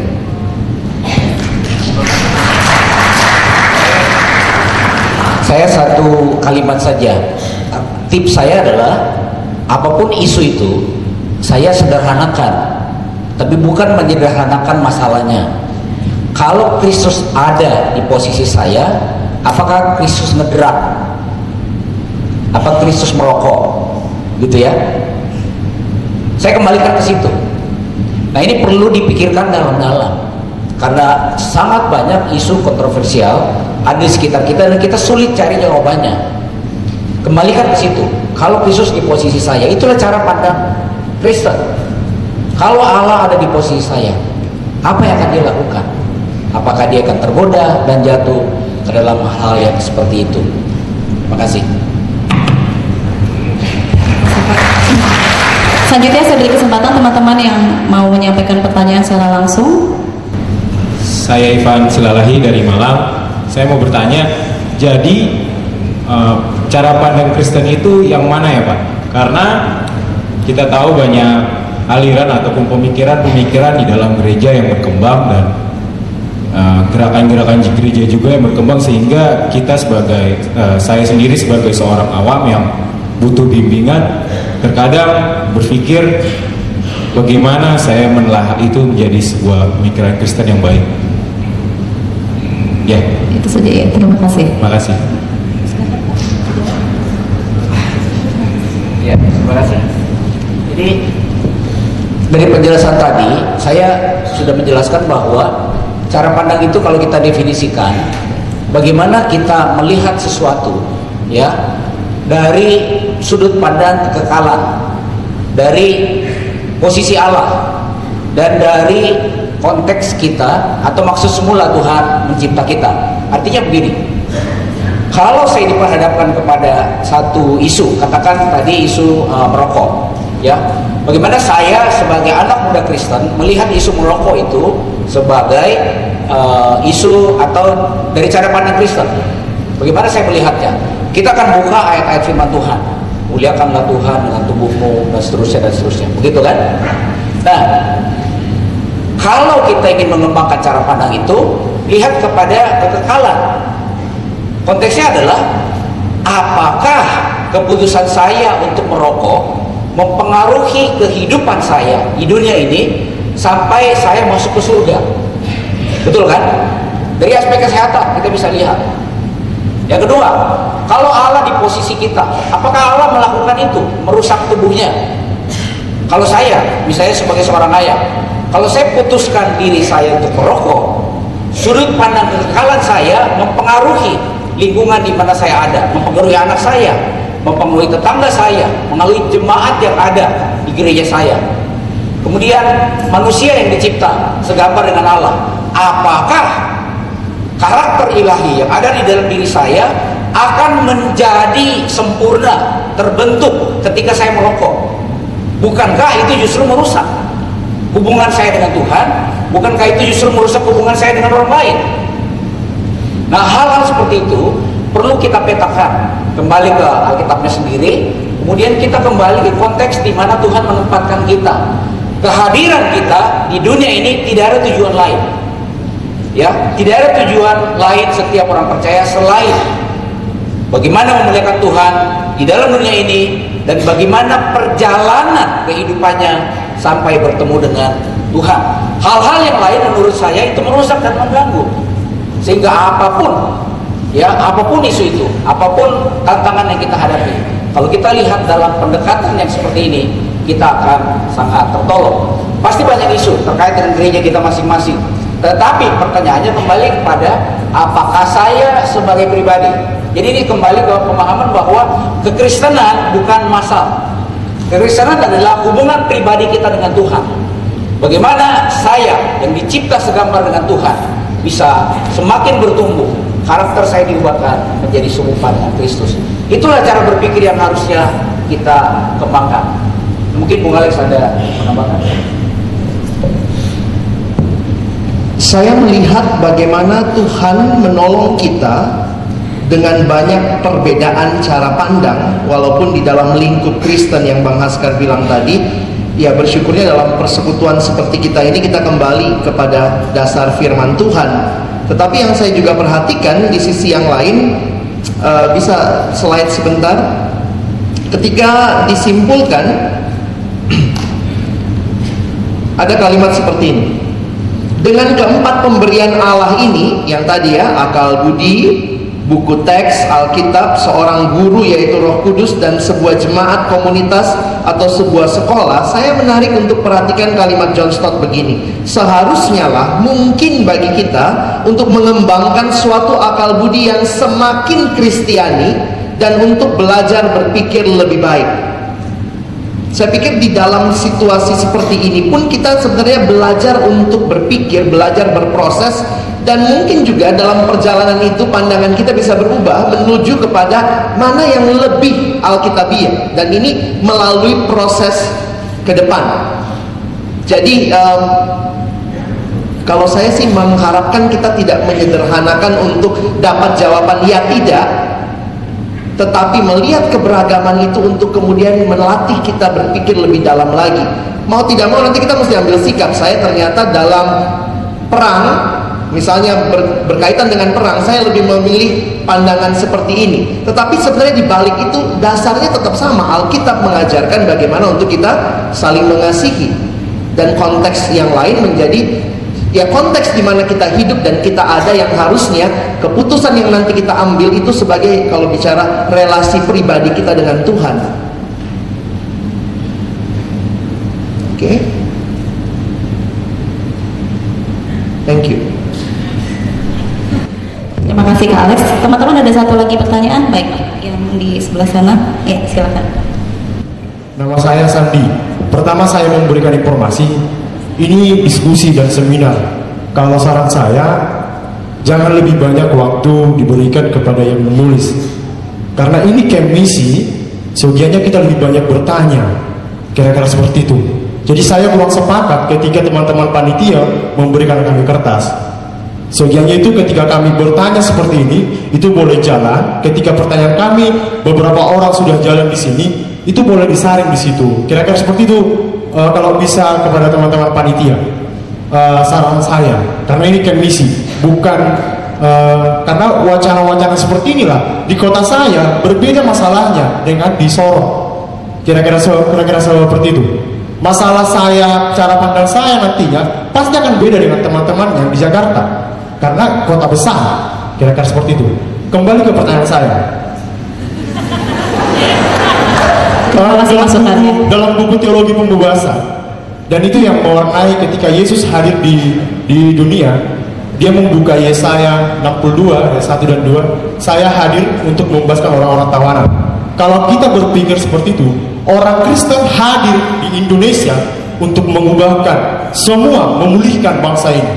Dalam misi buku misi umat Allah itu jelas. Kita ulas sampai um, 14 bab dan di bab 15 kita diteguhkan kembali. Kira-kira seperti itu. Saya kembali tadi saya bingung di sini. Saya bingung. Jadi kalau saya tinggal di tempat orang tukang butut, cara pandang saya pasti orang orang tukang botol kira-kira se- se- seperti itu kalau saya tinggal di lingkungan mahasiswa orang-orang Kristen semuanya saya tidak tahu apa sebenarnya yang dibutuhkan orang-orang tukang beca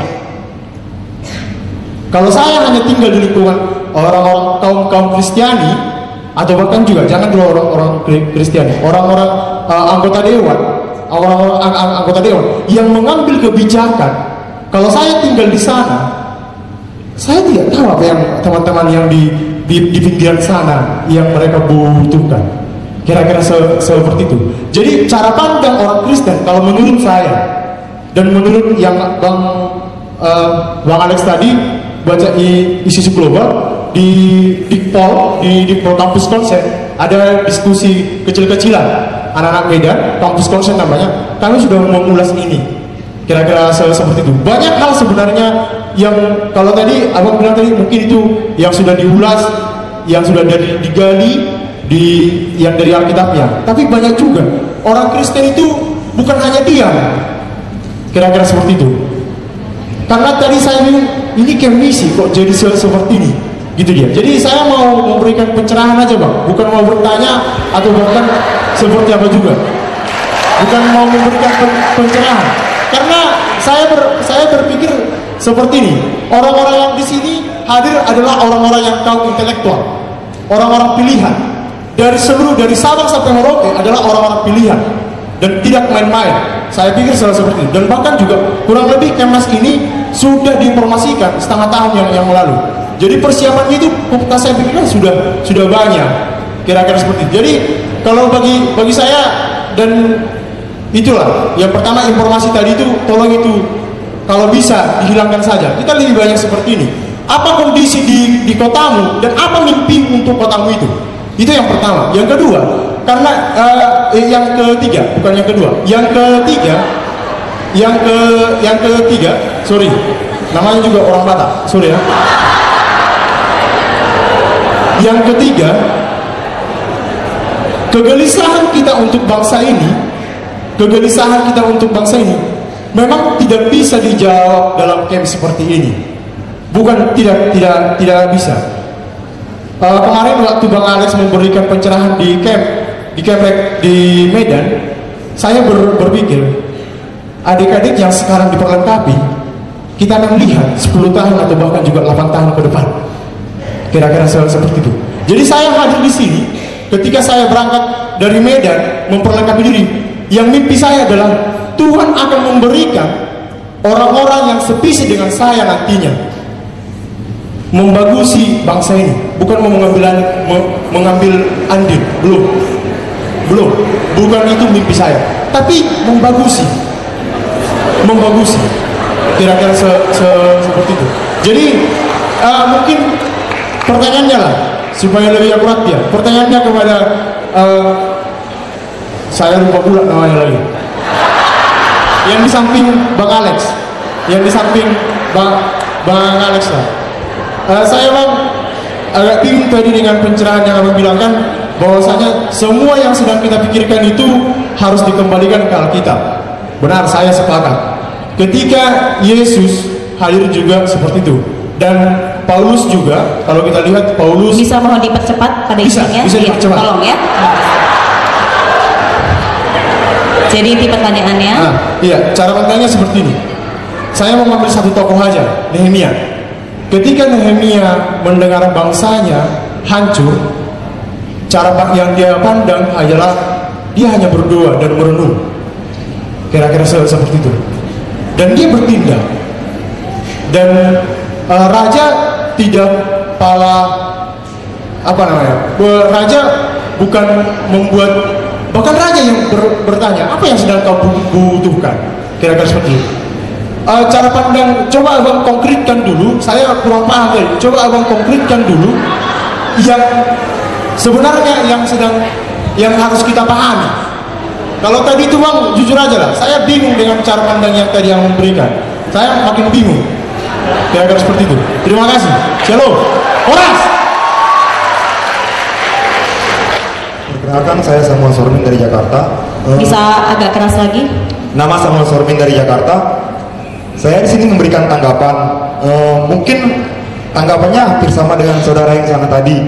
Eh, tapi ini lebih ke arah ini sih bang. Eh, pada akhirnya kan kalau misalnya kita pada eh, harus kembali berpikir dan melihat ke Alkitab dan mengambil sikap. Nah, ada dua ekstrim yang harus kita pertimbangkan. Pertama, apakah pada akhirnya kita mengikut, mengikuti Alkitab atau pada akhirnya orang hanya mempergunakan Alkitab untuk mereligiuskan tindakannya. Nah, itu. Nah, tanpa adanya standar, ya orang bisa melakukan hal itu dong, mereligiuskan sendiri apa yang sudah dia tindakan. Nah, jadi saya pikir saya juga setuju juga dengan pernyataan teman saya tadi konflik mengenai eh, tindakan apa yang harus kita lakukan itu bukan cuma bisa dibahas sekali jadi saja atau mungkin saya jadi teringat perkataan seorang pembicara sebelumnya eh, seharusnya adalah eh, dari kita juga masih semungkin yang dari jurusan hukum kali ya membahas eh, yang adil itu menurut Alkitab itu seperti apa gitu Terima kasih kepada moderator. Ini saya saya ingin memulai dengan satu hal yang saya coba kumpulkan begitu. Kadang pemikiran Kristen itu itu kan tumbuh dari suatu kebiasaan yang diterapkan kepada kita begitu. Saya mahasiswa hukum dan saya selalu merujuk pendapatnya Pak J. Setapi, guru besar hukum pidana dari UNER yang yang dia tetap konsisten bahwa hukuman mati tidak boleh ada karena landasannya dia mengangkat Alkitab bagaimana hukuman mati itu tidak diperbolehkan begitu landasan itulah yang dipakai tapi yang menjadi pertanyaan saya kadang justru sebenarnya apa di gereja dari kecil kita tidak dibiasakan untuk berpikir mengenai bagaimana mengkonteskan Alkitab dalam kehidupan sehari-hari. Nah ini yang terkadang menjadi kesusahan tersendiri bagi kami mahasiswa begitu dalam konteks bidang studi kami. Karena memang kalau kita berbicara saudara Katolik kita mungkin lebih lebih jelas dalam teologi pembebasan. Mereka sudah jelas dalam teologi sosial mereka. Tapi kalau kita berbicara mengenai Kristen akan sangat sulit kita untuk berbicara mengenai rujukan apa. Karena memang di gereja pun kita berbicara mengenai hal rohani. Yang saya ingin tanyakan bang begini saya bagaimana sih sebenarnya kita bisa melihat sebenarnya dalam konteks studinya kita atau yang apa yang kita pelajari sekarang dalam konteks Alkitab gitu dalam permasalahan ini? Karena memang kita tidak dibiasakan baik dalam ranah gereja maupun di dalam ranah PMK itu sangat sedikit sekali gitu. Ya saya perkenalkan nama saya saya Toba Muara Aritonang dari Kota Malang. Terima kasih Baik Bapak dan Kakak silakan dibuat. Ya, terima kasih tiga pertanyaan dan uh, usulan yang sangat menarik untuk kita. Tanggapan saya dua untuk sekaligus tiga-tiganya. Yang pertama adalah bahwa kecelakaan terbesar bagi orang percaya adalah ketika membaca Alkitab dengan cara pandangnya, cara pikirnya. Jadi kita buka Alkitab kita, kita baca, saudara cara pikir kita, ya. Sehingga ketika bit kita baca Alkitab terjadi distorsi. Pesan Alkitab tidak sampai ke kita. Coba saya tantang Anda malam ini. Ya. Baca satu ayat tertentu, misalnya doa yang tadi dikatakan Matius pasal 6 ayat 5 sampai ayat yang ke-14. Baca lima kali. Ya, Anda baca lima kali, di tengahnya Anda selipkan dengan bersuara. Biarkan Roh Kudus berbicara. Maka pesan Alkitab itu akan menguasai hati dan pikiran kita. Terlalu sering, ya, terlalu sering kita mendiskreditkan Alkitab karena kita sudah punya pola pikir tertentu. Itu yang saya katakan.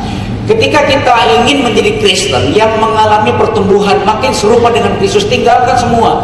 Biarlah Allah berotoritas di dalam diri kita, mengoreksi cara pikir kita, mengoreksi kehidupan kita, mengoreksi setiap aspek hidup kita. Kita berdebat kadang-kadang dengan ilmu kita yang terbatas. Itu harus diakui.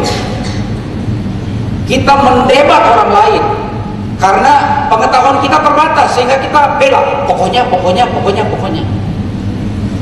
Saudara, saya menantang saudara-saudara pada malam ini tunduk di hadapan Tuhan.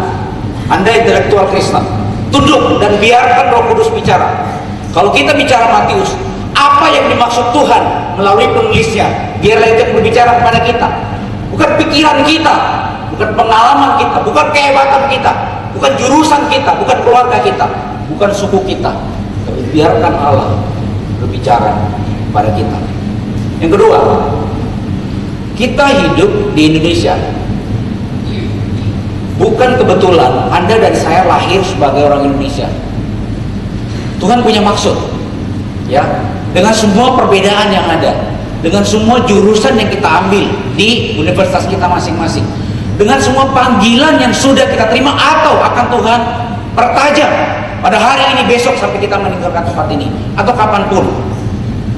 Pertanyaannya adalah apakah sungguh-sungguh visi itu kita gumuli di dalam dan bersama Tuhan. Itu hanya mungkin terjadi kalau disiplin double listening kita kembangkan. Baca firman Tuhan dan lihat dunia. Di dunia sana kita tidak harus seperti tukang beca, tetapi bagaimana cara berpikir tukang beca, ya pemulung. Bagaimana cara berpikir pemulung? Itu menjadi cara kita untuk masuk. Rasul Paulus kan membeli contoh. Bagaimana menjadi seperti mereka, tapi bukan mereka supaya kita bisa memenangkan mereka. Saudara-saudara, Indonesia masalahnya terlalu besar. Saya kasih contoh. Ketika saya masih kuliah di kampus di IPB, saya kenapa masuk IPB dan masuk di jurusan kehutanan? Cara pandang dunia saya adalah om saya itu kaya raya karena lulus dari IPB dapat kerjaan bagus ke mana-mana tasnya dibawain pintu dibukakan. Itu saya masuk cara dunia saya saya akan ambil jurusan itu supaya saya kaya. Sampai di IPB saya ditangkap Tuhan. Bukan itu. Kamu pilih jurusan supaya kamu bisa menjadi berkat dan orang lain mengalami Tuhan lewat kehadiran Anda. Di kantor sekarang ketika saya duduk saudara-saudara saya masuk ke ruangan pekerjaan saya, saya duduk dan saya berdoa. Bapak di surga, hari ini engkau yang duduk di kursi ini. Saya rindu keputusan saya, cara saya menteri karyawan saya, cara saya berbicara dengan atasan saya, cara saya berbicara dengan customer kami. Saya rindu orang lain melihat Tuhan di balik keputusan saya, di balik tindakan saya. Bukankah itu cara pandang Kristen yang harus kita kembangkan.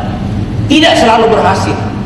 Selalu ada pergumulan. Tetapi ada roh kudus. Tadi Bang Alex sudah jelaskan. Ada roh kudus. Ada buku. Allah. Ya, buku yang diberikan oleh Tuhan kepada kita bukan cuma ini. Ada buku itu Allah dan lingkungan sekitar kita yang bisa mengajari kita apa maunya Tuhan. Kita yang kadang-kadang double Baca Alkitab dengan cara pandang kita, dengan cara pikir kita, dengan cara berpikir kritis kita yang diajarkan di kampus. Oleh dosen yang mungkin tidak mengenal Tuhan, mungkin ateis. Terus saudara, saya menantang Anda, jangan meninggalkan tempat ini sebelum Anda tahu apa itu cara pandang Kristen dan bagaimana mengembangkannya. Sehingga ketika Anda pulang, Anda sudah paling tidak tahu prinsipnya. Apa itu? Bagaimana mengembangkannya dan Tuhanlah melalui roh kudusnya akan menolong saudara-saudara, menolong saya, menolong kita untuk semakin dibentuk serupa dengan Kristus untuk memenangkan Indonesia bagi kemuliaan namanya. Terima kasih.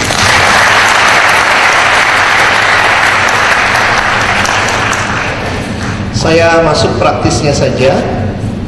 Saya minta slide. Di dalam materi saya, saya menuliskan langkah praktis untuk melatih dan mengembangkan akal budi Kristiani sebenarnya sebagai kita di kampus begitu ya.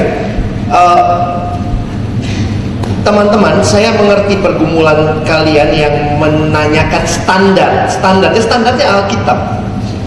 Tapi kan kalian nanya, tapi siapa nanti yang menafsirkan Alkitab? Nanti cara pandangnya dia. Nah, bahas kan sudah memberitahukan bagaimana kita membiarkan Roh Kudus memimpin kita kepada proses itu. Karena itu saya katakan tadi ini proses loh.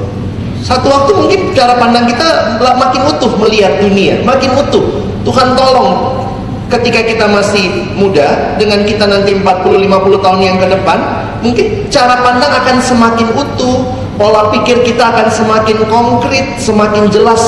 Saya kagum juga dosen saya dalam pemahaman dia akan lingkungan yang sangat mendalam dia mengajarkan kepada kami tentang the greening of mission. Dia sampai rela pindah ke kota di mana jarak ke kampus itu 15 menit. Sebelumnya kota tempat dia tinggal itu sekitar satu setengah jam dari kampus. Itu memang mereka di negara maju mungkin saudara bilang begitu ya, tapi komitmen dia penghayatan dia kepada dia tidak mau lebih banyak berkontribusi merusak alam ini yang dibangun dari iman Kristen yang dia sadar dia bagian dari alam ini. Dia pindah rumah. It cost something. Nah saya agak takut nih kita maunya praktis simple karena nggak mau mikir.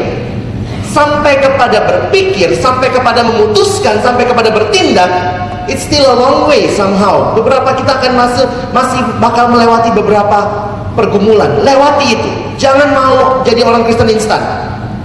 Kita belum tahu bagaimana tentang misalnya hukuman mati. Kita baca buku lagi kita lihat lagi kita bergumul. Mungkin akhirnya kita bikin tulisan saya sepakat dengan Pak saya tapi tapi mungkin juga saudara akan berpikir oh tidak ada keadilan di situ. Nah karena itu keadilan seperti apa? Berpikirlah bergumul dengan pergumulan bangsa ini. Say something yang di dalamnya nanti saudara akan melihat Tuhan memimpin saudara dalam langkah praktis ini Jujurly speaking, gereja tidak banyak bicara hal ini. Gereja yang penting kasih persembahan tiap minggu selesai. Mohon maaf kalau ada gereja yang baik sudah mengembangkan hal-hal seperti ini, itu sungguh luar biasa. Tapi pertanyaan utamanya lagi, karena kita gerakan mahasiswa, saya pun melihat kita tidak dilatih berpikir. Ini generasi yang mau bilang, yang mana yang benar? Udah bang, apa? Selesai. Oke, okay, that's good. Tapi tidak bisa selamanya begitu. Saudara makin bertumbuh Anak kecil sih begitu ya. Nasi, coklat. Mana yang dikasih? Nasi apa coklat? Ya nasi lah ya. Tapi kalau dia udah makin besar, masih begitu cara berpikirnya, cara dia melihat, kita mesti tolong. Nasi ini kekuatannya, coklat ini. Reasoning terjadi. Dan itu yang kita lemah sebenarnya. Karena apa? Kita jadi ikutan apa kata orang. Nah, saudara perhatikan, saya mengingatkan bagaimana kita memulai itu. Kalau saudara masih ada di kampus, berkumul untuk hal-hal yang sederhana tadi. Listen to the word, listen to the world. Tidak usah pikir terlalu jauh dulu saudara Di kampus di mana saudara hadir Sederhana, bangun hidup yang berakar kuat dalam firman Tuhan lewat kelompok kecil Mungkin kita tambahkan Ketika kita bicara tentang doa Kita ajak mereka berpikir Bagaimana orang-orang di sekitar kita memandang tentang doa dan bagaimana Alkitab mengajarkan. Jadi, saudara mimpin kelompok ini tambahkan lagi wawasan dunia di sekitar kita hidup. Iya nih kemarin saya di teman kosku bilang ngapain kau tuh pagi-pagi di kamar begini-begini. Kenapa? Apa cara pandang dia? Oh itu wasting time.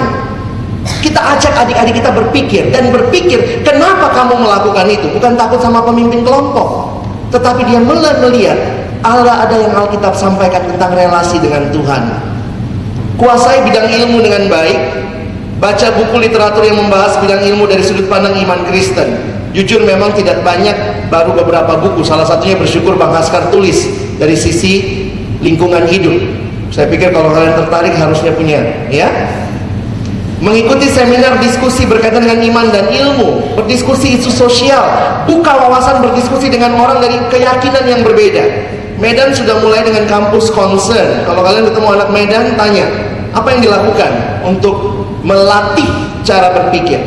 Melatih diri untuk menulis opini di koran. Saya langganan Sindo di pertengahannya itu jarang sekali orang Kristen nulis. Yang nulis itu Muhammad siapa, Siti siapa dengan jilbabnya. Di mana mahasiswa Kristen? Mungkin sibuk nonton, sibuk internetan, wifi-an, tidak ya generasi nunduk bang ya semua jalannya begini cut, cut, cut, gitu ya. Di koran kampus adakah kita menulis di sana? Di koran lokal di koran nasional menulis di blog. Saya kagum dengan Pak Yongki Karman dia menulis. Pernah dalam satu diskusi dia ngomong sederhana sih sebenarnya. Dia dia ngomong ya mungkin saya tidak bisa khotbah di depan presiden. Benar juga sih ya Kapan Presiden mengundang Pak Yongki khotbah? Tapi dia bilang ketika saya menulis di Kompas, kemungkinan besar dia baca. Saudara jadi pendeta belum tentu bisa khotbah depan SBY ya. Tapi ketika menulis dengan sudut pandang Kristen yang baik, saya kagum beberapa tulisan beliau dan saya melihat bagaimana dia dia cerita tuh bagaimana dia menulis begitu ya. Nanti kalau ada orangnya tanya lagi. Hasilkan karya ilmiah yang berguna bagi masyarakat kalau bikin skripsi jangan asal lulus. Supaya lulus bang, puji Tuhan lah akhirnya lulus gitu ya. Apa yang saudara tulis, apakah memang itu saudara kembangkan, berpikir dengan baik? membahas tema-tema ini masukkan dalam acara persekutuan kampus prakarsai gerakan sosial mahasiswa di kampus mungkin ini juga kita perlu dengan cara yang elegan tentunya ya tapi saya pikir-pikir aduh itu yang saya bilang sama anak-anak di adik-adik di Jakarta saya kadang sedih lihat itu ya baju-baju PMK salib Yesus yang berdarah-darah gitu ya. Kenapa kita nggak jual baju PMK tulisannya? Nyontek garis jual pakai waktu ujian akhir. Kita kan kita bisa jual sama yang lain ya. Kalau maksudnya sorry kalau ini mungkin di beberapa daerah terlalu radikal ya. Begitu nyontek dicoret kali itu digorok begitu saya nggak tahu saudara. Saudara yang tahu konteksnya tapi kalau kamu beli kamu bikin baju PMK Yesus belum tentu mahasiswa non Kristen mau beli benar nggak? Tapi nyontek dicoret. Kasih sama yang bercili. Berjilbab maksudnya mungkin dia bilang ih aku juga mau nggak nyontek. Kenapa kita punya pemikiran? Saya kagum waktu di UI, saya kaget melihat ketika masuk ke kampus kami, ini di lorong menjelang ke kampus, ada satu mahasiswa muslim. Dia bagi-bagi kertas kecil, sekecil handphone gini ya. Dia bagi-bagi kertas kecil. Waktu saya baca, respon terhadap undang-undang aborsi, kira-kira begitu lah. Dia tulis apa yang dia pikirkan. Dia bagi, dia fotokopi, dia bagi-bagi sama orang yang lewat. Kadang saya pikir di mana orang Kristen ya? Kita lagi sibuk latihan, mau persekutuan. Kita lagi sibuk nih, kelompok, saudara sampai udah jadi ribet sekali PMK kita ya. Kita ber-PMK udah sangat ribet. Ke mana sekretariat? Ke mana sekretariat? Kiranya sekretariat memberkati saudara gitu ya. Kiranya kita hadir di dunia. Mari ber-PMK dengan lebih simple supaya kita juga punya dampak. Kadang kita mau jadi berkat, kita jarang ketemu orang-orang di luar persekutuan. Thank you.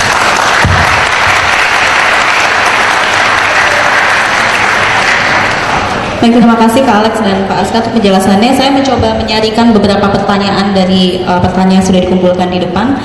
Uh, poin pertama, uh, Pak Askar dan Kak Alex, uh, sebenarnya mengenai kekhususan atau keistimewaan dari cara pandang Kristen ini sendiri, begitu dibandingkan dengan cara pandang-cara pandang yang ditawarkan di dunia sana, di luar sana, begitu. Karena uh, ketika kita berkonfrontasi dengan teman-teman kita, mungkin akan ada pertanyaan-pertanyaan ya, kebaikan dari cara pandang lain pun juga juga bisa lahir gitu tanpa harus menjadi seorang Kristen tanpa harus memiliki cara pandang Kristiani.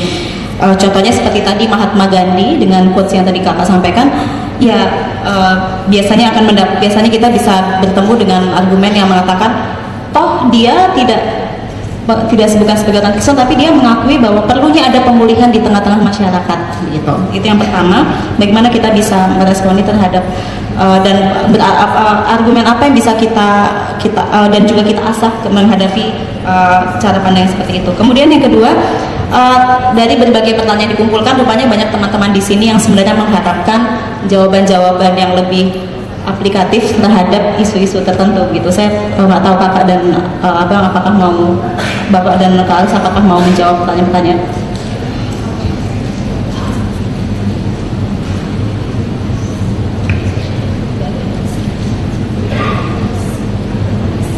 Jadi ini mungkin pertanyaan-pertanyaan yang lebih uh, pendapat yang disampaikan mungkin pendapat yang bisa disampaikan uh, uh, mungkin secara atas nama pribadi ya mungkin dari perkumpulan ke Alex secara pribadi maupun uh, Pak uh, Pak Askar. Contohnya seperti bagaimana kita cara pandang uh, Kristiani terhadap uh, ya produksi rokok gitu misalnya menjadi sumber penyakit sekaligus pemasuk uh, sumber uh, cukai yang tinggi bagi negara kita pemasukan yang tinggi. Kemudian bagaimana melihat uh, apa tadi? Ya produksi minuman alkohol misalnya begitu. Dan juga bagaimana kita ketika kita sebagai seorang Kristen berteman dengan teman-teman yang memiliki kebiasaan seperti itu. Kira kurang lebih dua poin itu silahkan dijawab.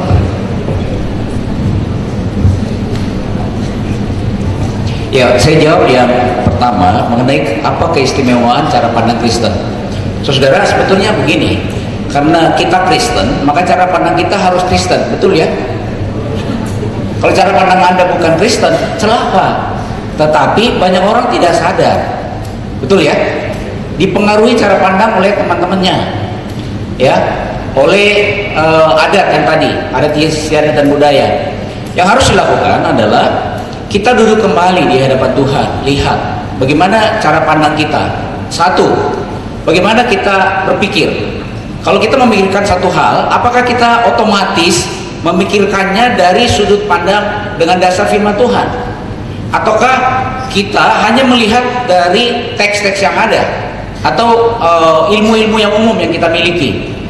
Itu pertama. Yang kedua, setelah berpikir, bertindak. Apakah tindakan kita sejalan dengan firman Tuhan yang kita uh, gali, yang mendasari pikiran kita untuk isu tersebut? Misalnya tadi rokok, begitu kan? Nah, kalau itu sudah ada dan memang tidak mudah, perlu latihan, perlu latihan, perlu latihan. Karena tidak otomatis. Ya, cara berpikir itu.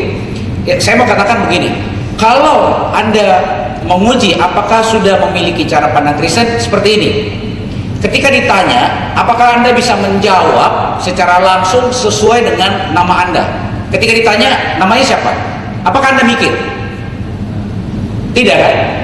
Nah, ketika Anda ditanya, apakah Anda mau drop atau tidak? Apakah Anda harus mikir? Kalau Anda memikirkan, berarti Anda memberi kesempatan kepada iblis yang mungkin ada di sini, mungkin ada di hati Anda, untuk mengalahkan Allah yang sudah pasti ada di dalam diri Anda. Betul kan? Jadi keistimewaannya itu yang pertama, keistimewaannya adalah dengan memiliki cara pandang Kristen, maka satu Anda betul-betul Kristen yang sejati. Yang kedua, single minded.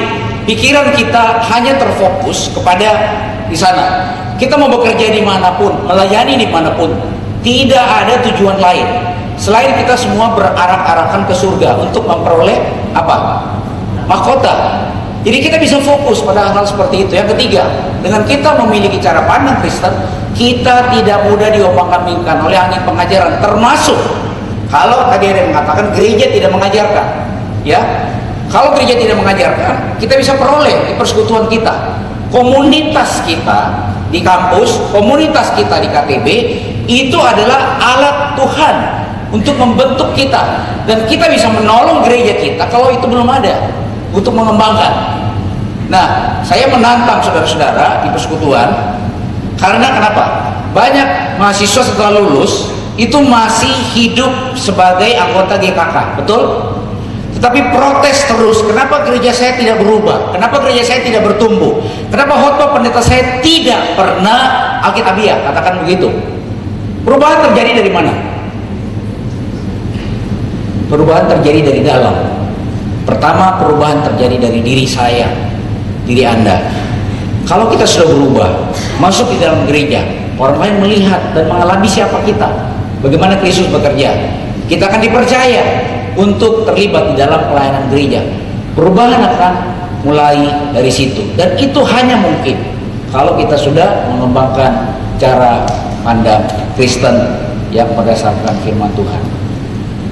Nah, contoh-contoh praktisnya Bung Alex jagonya. Tapi sebenarnya saya saya ingin abang sharing. Bang Haskar adalah yang menggagas sebagai majelis di gerejanya, menggagas ke ke hari Minggu itu bawa apa? Bawa Alkitab dan sampah ya.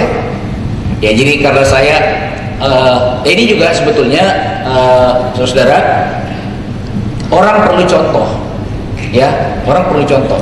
Pikiran Kristen itu perlu teladan dan kita lah orang yang harus mempraktekannya. Sebagai orang lingkungan, saya berusaha dengan anak-anak saya, dengan istri saya uh, mempraktekkan apa yang kami omongkan, apa yang saya omongkan. Nah, satu kali gereja kami uh, ada acara, kemudian saya tantang majelis jemaat bahwa kalau kita ingin mengubah gereja kita, mengubah jemaat kita, kita perlu mempraktekkan. Jadi kita bikin seminar, pada akhirnya disetujui membuat uh, pusat daur ulang di gereja. Konsep yang saya gunakan adalah bahwa saudara-saudara kalau kita ingin relevan terhadap dunia, ketika anda ke gereja, tangan kiri bawa kitab, tangan kanan bawa sampah daur ulang. Konsepnya sederhana, tetapi mudah diingat dan mudah dipraktekkan. Bagaimana supaya jalan? Saya mempraktekkan di rumah saya. Jemaat datang ke rumah bisa lihat bagaimana kita memilah sampah, bagaimana kita membuat kompos. Ketika buat di gereja, jemaat mengatakan memang sudah dipraktekkan sehingga mudah orang mengikuti. Jadi sekali lagi bukan cuma pikiran, tindakan kita yang menunjukkan pikiran Kristen itu itu adalah teladan, itu adalah kesaksian yang paling ampuh yang bisa mengubah dunia dan bisa membuat kita berpartisipasi dalam pembangunan Indonesia. Ya, saya pikir apa yang Bang Haskar sampaikan eh, sudah jadi kenyataan juga dilakukan begitu ya. Jadi abang kita ini tidak bicara dari teori, tulis buku, terus mengembangkan dan juga melakukan. Saya pernah dalam dalam pelayanan juga bersama dengan rekan-rekan dalam KTB misi. Makanya jangan kelamaan di MHB saudara supaya bisa masuk ke KTB misi ya. Jadi KTB yang bukan memikirkan hanya MHB itu kan memikirkan dasar hidup Kristen kita, bagaimana teman hidup kita, kita, kita. Nah, saya bersyukur bersama dengan rekan-rekan kami sejak saat kami mahasiswa itu mengembangkan karena juga dipengaruhi oleh tim misi yang ada dari Perkantas Jakarta waktu itu di bawah koordinasi karya Pasar Ibu ada beberapa teman yang ikut ke sana dan membagikan konsep-konsep yang lebih luas sehingga akhirnya di tahun-tahun terakhir kami ada di kampus kami sudah masuk dalam KTB misi membahas tentang apa itu bekerja. Kami mulai berpikir hal-hal yang secara sederhana tetapi mulai kami pikirkan. Dan salah satu buahnya adalah yang kalian lihat di atas sahabat anak. Sahabat anak itu dari rekan-rekan KTB kami yang memikirkan bagaimana akhirnya melihat konteks pelayanan yang lokal. Sebenarnya unik juga. Awalnya kami punya misi ke daerah. Sebagai mahasiswa tingkat akhir dulu kami ke Klaten, ketemu coklat dan ceklat, cowok Klaten, cewek Klaten. Kami bermisi ke sana secara rutin 6 bulan sekali. Dalam generasi misi yang kedua, adik kelas kami kita dorong lagi waktu di kampus pergi bermisi. Ketepatan generasi berikutnya, generasi saya 10 cowok, 3 cewek. Generasi berikutnya 10 cewek. Kalau nggak salah satu apa dua cowok. Sehingga akhirnya mereka berpikir, dari mana kami bisa mengembangkan itu sebagai orang-orang ilmu sosial? Mulailah kami berpikir pelayanan perkotaan. Dan waktu itu ada satu teman yang mengelola panti asuhan untuk anak-anak jalanan dan kemudian beberapa teman secara lebih concern memikirkan sampai akhirnya sahabat anak yang kalian lihat presentasi salah satunya itu adalah buah dari KTB yang Tuhan percayakan kami lakukan. Sehingga saudara, mari mulai dari berpikir dan bertindak.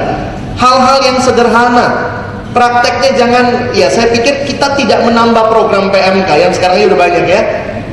Kita memberikan isi yang lebih kepada program-program kita. Ketika kita kelompok kecil bukan hanya mengajarkan ini kata Alkitab, tapi kita lebih sensitif. Mungkin kamu akan melihat begitu banyak cara pandang. Kita baca buku, kita kasih tahu, ini loh cara pandang materialis. Ketika saya makin menghayati itu, saudara boleh tanya juga lah sama istri saya, saya jarang sekali beli baju. Karena di pelayanan dapatnya baju. Dan ketika saya sudah menyadari itu, saya belajar dari senior saya waktu itu kata Dius juga pernah sharing. Setiap kali ada satu baju yang masuk ke lemari saya, maka ada satu baju yang harus keluar dari lemari saya. Kita nggak bisa koleksi semua baju. Kita nggak bisa pakai sekaligus kan? Dari mana itu? Saya belajar juga dari konsep John Stott. Dia membahas, ini lihat ya, jadi kalau nanti mau latihan menarik tuh. Creation. Ketika John Stott membahas ketimpangan ekonomi utara selatan, saudara lihat bagaimana dia memikirkan. Kenapa kita bisa timpang? Saudara lihat apa dasar Alkitab yang diangkat? Ingat loh, Tuhan cuma ciptakan satu bumi. Harus cukup. Kalau timpang utara selatan, something wrong. Wow, very biblical. Karena dia memikirkan bagaimana Alkitab, Tuhan bilang cuma ciptain satu bumi kok. Sehingga sejak itu saya juga jadi mengerti. Saya nggak boleh punya banyak barang, saya nggak boleh punya semua hal. Mesti belajar hidup sederhana. Kalau kita butuh, semahal apa pun kita akan beli. Tapi kalau kita tidak butuh, semurah apa pun jangan ditambah. Itu kan prinsip-prinsip yang saya nggak tahu apakah saudara dalam pergumulan pribadimu, waktu kamu di KTB kan, kamu di kelompok kecil kan, gaya hidupmu berubah, cara pandang terhadap materi berubah. Saya mirip kayak Bang Haskar. Saya ditangkap di kampus, anak daerah datang ke kampus, mimpi besar buat diri saya. Eh ternyata begitu sampai di kampus, khotbah pertamanya begitu. Hidupmu buat Tuhan. PMK perkantas ini menghancurkan mimpi saya. Tapi Tuhan ganti dengan mimpi yang jauh lebih besar. Jadi kiranya saudara bisa mengerti hal itu ya. Oke. closing statement sekalian. Slide. Saya kutip kalimat ini ya. Dalam rangka memperbaharui dunia, kadang-kadang kita pesimis. Tapi juga kita bisa over optimis. Lalu John Stott menulis dalam bukunya, Christianity is not about pessimism or optimism. Jangan optimis seolah-olah saudara bisa mengubah semuanya. Tapi jangan pesimis saudara seolah-olah saudara tidak bisa mengubah apa-apa. But Christianity is about hope. Bersama Kristus kita bisa melakukan perubahan. Thank you. Ya, uh, closing statement dari saya, dengan memiliki dan mengembangkan cara pandang Kristen, maka kita yang minoritas di Indonesia akan dibuat Tuhan menjadi mayoritas. Karena kita tidak hanya berpikir secara Kristen, tetapi kita tunjukkan itu di dalam tindakan supaya orang lain melihat dan mengalami Kristus lewat kehadiran kita. Selamat mengembangkan dan selamat mempraktekkan cara pandang Kristen. Tuhan memberkati.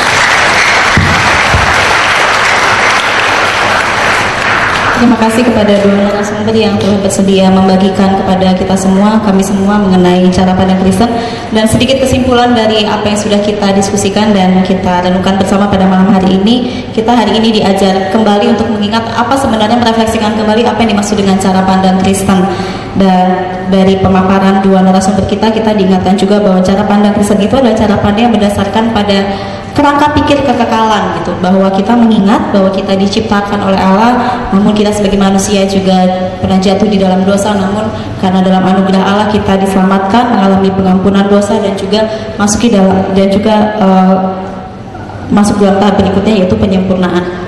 Pemahaman akan bahwa uh, pemahaman bahwa kita hidup dalam kerang, dengan kerangka pikir kekekalan seperti ini berimplikasi tentunya bukan hanya kepada hidup hanya tentang hidup setelah kematian surga dan neraka tetapi berimplikasi juga bagaimana kita hidup saat ini di dunia ini dengan berbagai macam uh, isu yang kita hadapi di sekeliling kita.